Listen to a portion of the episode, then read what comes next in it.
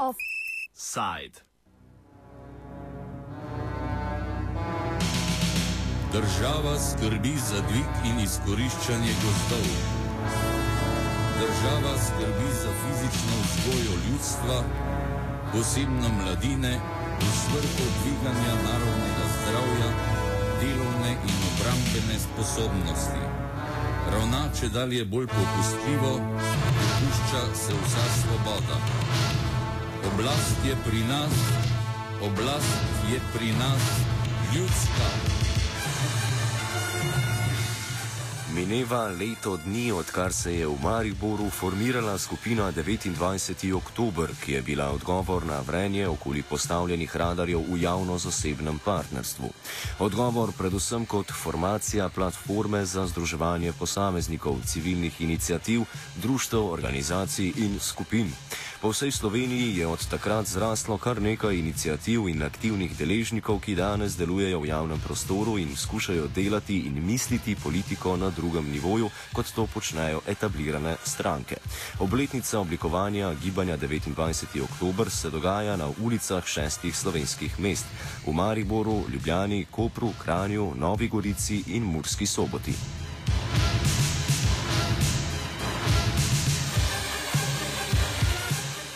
Govorili smo s pisateljem Tonetom Partičem iz Maribora, z Urško Breznik iz Inicijative za demokratični socializem in Saninom Jašarjem iz Gibanja 29. oktober.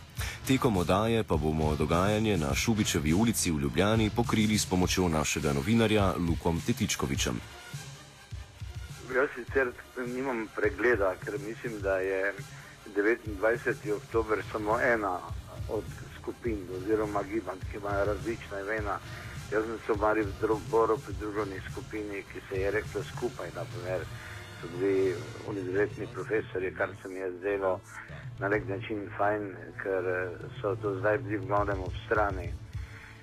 Jaz eh, štejem, da je ta današnja staja nekako, eh, lahko da nisem dobro informiran, bolj ali manj jubilejna da je lani v tem času v Mariboru vrelo ali pa zavrelo in je prišlo do spontanega revolta, če tudi se je prav nesmiselno govorilo, bodi si o stricih iz ozadja, bodi si ne vemo, levici eh, eh, v ozadju ali pa ne vem o čem. V Mariboru je prišlo zagotovo do spontanega revolta zoper župana Kanglerja in tiste njegove eh, kot veste, radarje, ki, ki eh, niso bili postavljeni za večjo varnost prometa, ampak zato, da so ljudje, da, da bi dali še dodatni denar v žep. In eh, se je res potem sprevrglo v, marsikaj širšega. Jaz sem takrat rekel, prvi dan so mi dali mikrofon, da upam, da bo plusnilo tudi čez strojane. In kakor vidite, tudi, tudi je. Tako da jaz ne vem, da bo v Mariboru znova zrelo za pohod, hudo pa seveda bo in pričakujem nemire, če bo morala vlada, se vem, da tega ne počne prostovoljno, ampak mora zaradi evropske situacije nas res samo še stiskati. Eh, jaz sem vidim, da pravzaprav včasih kaj napišem ali kaj od nikoder, nihče več ne pride noben denar iz žepa pa ti ga jemljajo vsak dan. In pričakujem, of, of. da bo med ljudmi eh, preprosto uh, znova zavrelo. Drugače pa, m, eh, ko mene sprašujejo zdaj ali pa gledajo pod prste novemu županu, moram reči, da kar mene zadeva, je v tistem hipu um, um, smo v Mariboru uspeli, kar smo mislili. Zahtevali smo, da tista občinska oblast se stopi, da se razvije tako imenovana hobotnica in da si vsaj dodatno sami ne delamo hujših težav. Glede na socialne razmere v Evropi in v Sloveniji, pa je seveda stvar druga, ker pravzaprav vidim en črni vlak, ki drvi od Portugalske prek Španije, Slovenije proti Grčiji in Cipru. In tu pa je težko zdaj tudi ljudem, ki so na položaju v Mariboru in Sloveniji, kaj bistvenega spremeniti. ampak um, tu je potrebna včasih samo iskra ali pa kaj iracionalnega, pa se lahko zgodi še kaj hujšega.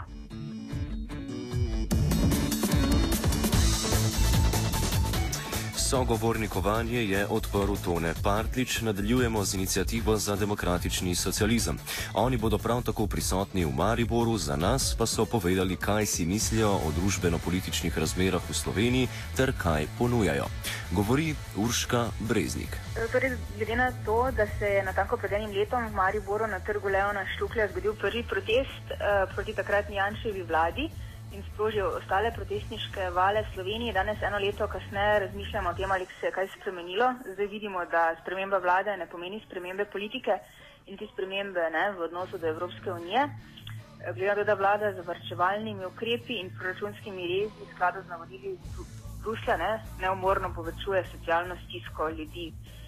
Uh, zdaj, jasno je, da je tudi Slovenija se pridružila tistim evropskim državam, kjer so vladajoče elite na strani uh, kapitala, smo priča uh, zmanjšanju davka na premožne in uh, tudi temu, da uh, so te elite ustvarile in, oziroma skokovito povečale javni primankjaj. Države se torej zadolžujejo uh, in to zadolževanje uh, se dogaja z denarjem, ki se je včasih ne, preko davkov zlival v proračun, ima uničujoče učinke na celoten javni sektor, tako da brezplačno zdravstvo, pa šolstvo in druge pridobitve stoletja nekih trajajočih bojev in odrekanj so danes ogrožene bolj kot kdorkoli prej. Uh, tukaj smo priča naprimer zlasti razmeram v zdravstvu, ki se alarmantno zaostrujejo, sredstva za zdravstvo, naprimer zbrana z obveznimi prispevki se zmanjšujejo potem drugi vir uh, financiranja, dopolnilno zdravstveno zavarovanje, je okrnjen zaradi visokih obratovalnih stroškov zasebnih zavarovalnic. Uh, sredstva državnega proračuna za investicije v zdravstvene ustanove se krčijo in sicer bolj kot sredstva za druge dejavnosti. Tudi v predlogu rebalansa se sredstva za zdravstvo zmanjšujejo in sicer za 18 odstotkov, medtem ko na večini drugih področji, naprimer za 10 odstotkov, uh, za 10 odstotkov, na obramnem področju pa samo za slabi 6 odstotkov. In tukaj vidimo, da je več kot očitno, da je za to krepitvijo represivnih aparatov in načrtnim siromašanjem socialnega sektorja agenda naših politikov očitno, no, da država deluje kot orodje političnih in kapitalskih elit, ki so pripravljene za svojo dobrobit uh, žrtvovati vse, tudi demokracijo.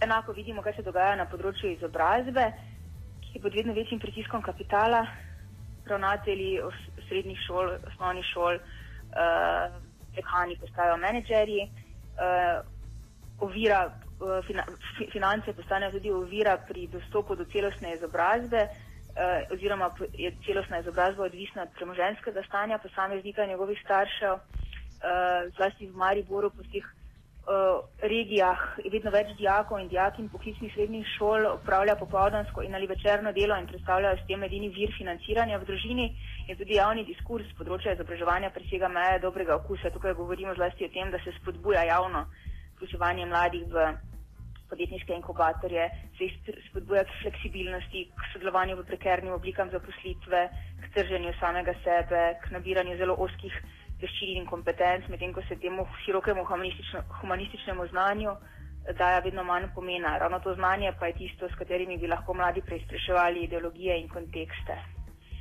Zdaj, zaradi teh očitnih krivic se ne, tudi široko po Evropi prebuja socialistična misel, ki opozarja na ta globoka nasprotja v družbi uh, in predlaga politike, ki bi vsem članom družbe, ne samo nekaterim in ne samo v besedi, ampak dejansko zagotovile blaginjo, v pravičnost in svobodo. Uh, in menimo, da je skrajni čas za odpravo razrednih odnosov in za, za spostavitev nekih novih kakovostnih odnosov uh, in institucij, in da je čas za povezovanje na mednarodni ravni in za upor proti uh, ne, predstavnikom mednarodnega kapitala, uh, potem za upor proti naraščajočim fašizmom v različnih državah, tudi v Sloveniji, uh, da se na evropski in mednarodni ravni združimo um, in da rečemo, da je dovolj žrtev za evro in da elitam rečemo, da vaše krize ne bomo plačevali.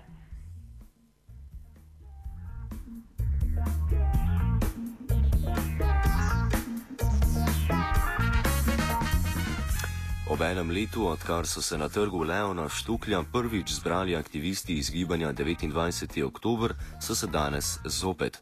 Kaj se je zgodilo v enem letu in zakaj je potrebno znova priti na ulice? Odgovarja aktivist Sanjin Jašar.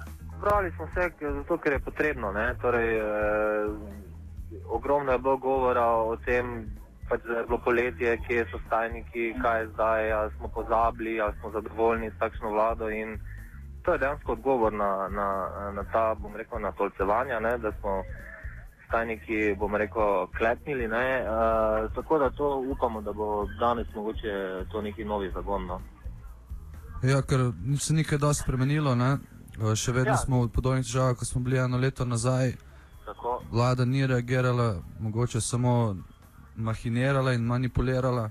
Vi Ja. ste ponovno prišli na ulice, da pokažete, da vlada nima prav. Tako ja, enako kot uh, tista prejšnja, uh, ki si je zaslužila takrat po šest, šestih mesecih vladanja protesti, enako ta zasluži po šestih mesecih, ker ni producirala nobene neke rešitve trajnostne, uh, ki bi lahko Slovenijo popeljala iz krize. Kako vidiš prihodnost ostajniškega gibanja duha na, v Sloveniji, eh, v bližnji A- prihodnosti in tudi mogoče malce daljši? Pa jaz uh, upam, da trditev uh, mojega prijatelja prej, da če se ne bo zdaj kaj eh, zgodilo v Mariboru, da bo uh, zagnalo nek novi val, uh, bo vstajništvo konec. No, jaz upam, da njegova tr- trditev ne, ne drži in, oziroma ne bo držala in da tudi če se zdaj ne zgodi, da se bo mogoče kasneje zgodilo kaj, pač trajnost je tista, ki, je prisotna, ki mora biti prisotna v takšnih revolucijah in če se predamo, bomo izgubili sino. Evo, v prestolnici se pred poslopjem vlade Republike Slovenije prav tako odvija protestna manifestacija. Z nami je Luka Tetičkovič, ki nam opiše razmere na Šubičevi. Halo, Živijo. se slišimo? Evo, Da, povej. Evo, tukaj je, ne vem, recimo zdaj, zdaj se je kar nabralo ljudi, bi rekel tako, da je kakšnih 300 ljudi po optimistične ocene. Uh, prvi so bili na sceni ljubljanski puntarje, ki so ki opozarjali na to, da so zbirali peticijo 28 tisoč podpisov ljudi, ki se zavzemajo za to, da se da parlamentarci na minimalno plačo. Uh, tekom tega tedna oziroma preteklega so tudi vložili zakon o temu v parlament. Vse pa tudi nabirajo tudi ostale grupacije. Videti, videl sem seveda strica za jugoslovansko zastavo, stalnega spremljevalca protestov. Tukaj nekaj uh, anarhistov, nekaj lifestylerjev, new agerjev, ne vem kako bi temu rekli. Uh, in pa povsem navadni ljudje, ki so prišli brez kakršnih koli transparentov, da zgolj obeleži to obletnico te začetka ljudskih staj uh, lani v Mariboru. Uh, ob relativno majhnem številu prisotnih nam povej, Luka, kakšen je duh prisotnih? Ali velja načelo, manj nas je, glasnejši smo? Uh, mogoče v prvih vrstah, da ne, tam so prinesli rage, kot slišite v zadju, Ja, sireno in, in pač zelo, zelo kremenito jih uh, uporabljajo.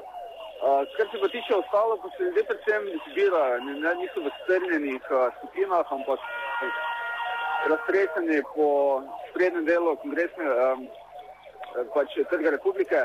Uh, in uh, zdaj očitno se ljudje še zbirajo, ne, pač vseeno ljudje še kar prihajajo. Celo se v kratih, prej po 20 minutah, ko pravim, smo brali 30 ljudi, še verjetno kopljajo. Uh, ok, uh, hvala uh, za tole poročanje, uh, Luka. Uh, mi pa, če se ne motim, če imamo na liniji uh, Gačiča, se iz uh, Ljubljane selimo v Maribor. Evo, protest v Mariboru se je začel ob 4 popovdan, kako je tam, smo pa vprašali naše ljudi na terenu. Halo, uh, imamo z nami? Ja? Lepo, da se slišimo. Slišimo. Se trgu Leona Štuklje, kaj recimo zdaj, kar malo se kregamo, ali je 300, eni pravijo 300, eni pravijo 400 ljudi.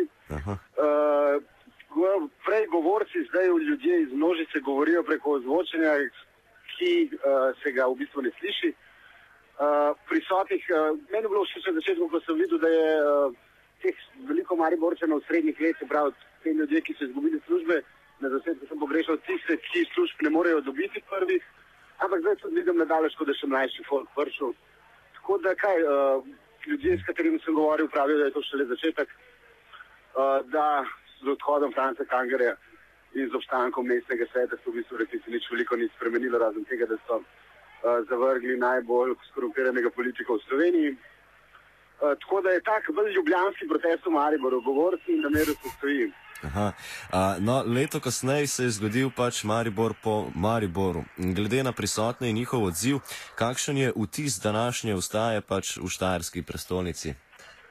Ravno pravim, da, da tega žara in jeze, ki smo bili priča o protestih pred Mariborsko občino, ko se je uh, odgovornosti Kanglerja, ni zdaj čutiti, kot pravim, uh, pozitivno v Mariboru od takrat je to, da kot mi pravijo sogovorniki tukaj, da so se razvile številne nove te demokratične prakse od uh, skupščin v uh, lokalnih skupnostih v Mariboru do direktne demokracije in vrtičkarstva in ne vem, če to vsega, da so z ustajami dobili mnogo pozitivnih praks, da pa se borba nadaljuje, ker so v večini tukaj ne govorijo o, Lenki, o vladi Lenke Bratušek, ampak o nekih korenitih družbenih spremembah, kot oni pravijo. Um, okay, uh, hvala ti za tole javljanje. Uh, srečno v Maribor. Srečno pozdrav poslušalcem in poslušalcem Radio Šelen. Uh, upor, revolt je pomemben del ogledala, ki ga nastavi družba svoji poziciji in je pomembno za neko zdravo sorazmerje in za uspešno funkcioniranje v multikulturni družbi. Pomembno je, da na slovenskem prostoru ustajniški duh živi naprej in biva z nami.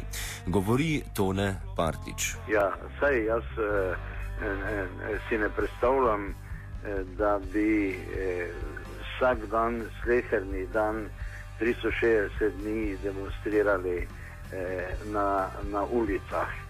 Eh, je, ena, je tudi pripomba, staje in revolucije lahko začeti, eh, težko jih je pametno končati in iz njih kaj pripeljati.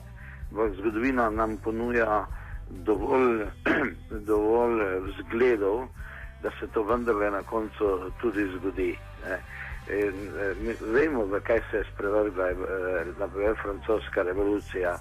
Vemo pa tudi, da od takrat naprej neka pravila, drugačna, vendar veljajo. Vemo, kaj je prinesla oktobrska revolucija. prinesla je tudi, eh, tudi zlo. V resnici pa je vendarle dala veljavo proletariatu in delavcem. In jaz mislim, da bi se kaj takega vendarle bilo čisto prav, če bi se pojavilo znova, da bi delo dobilo neko veljavo, pa čast. Ni potrebno samo upravljanje, ampak vse spoštovanje, zdaj pa je degradirano na suženstvo. Gremo, gremo, spuško na rami, v napad za svobodo, za Življenje je kratko in lahko bi bilo tudi sladko. Če nam nekdo greni trenutke, ko smo na svetu, je že boljše, da mu pljuniš v obraz, kot da umreš od čira na želodcu. Offside je pripravil Mare.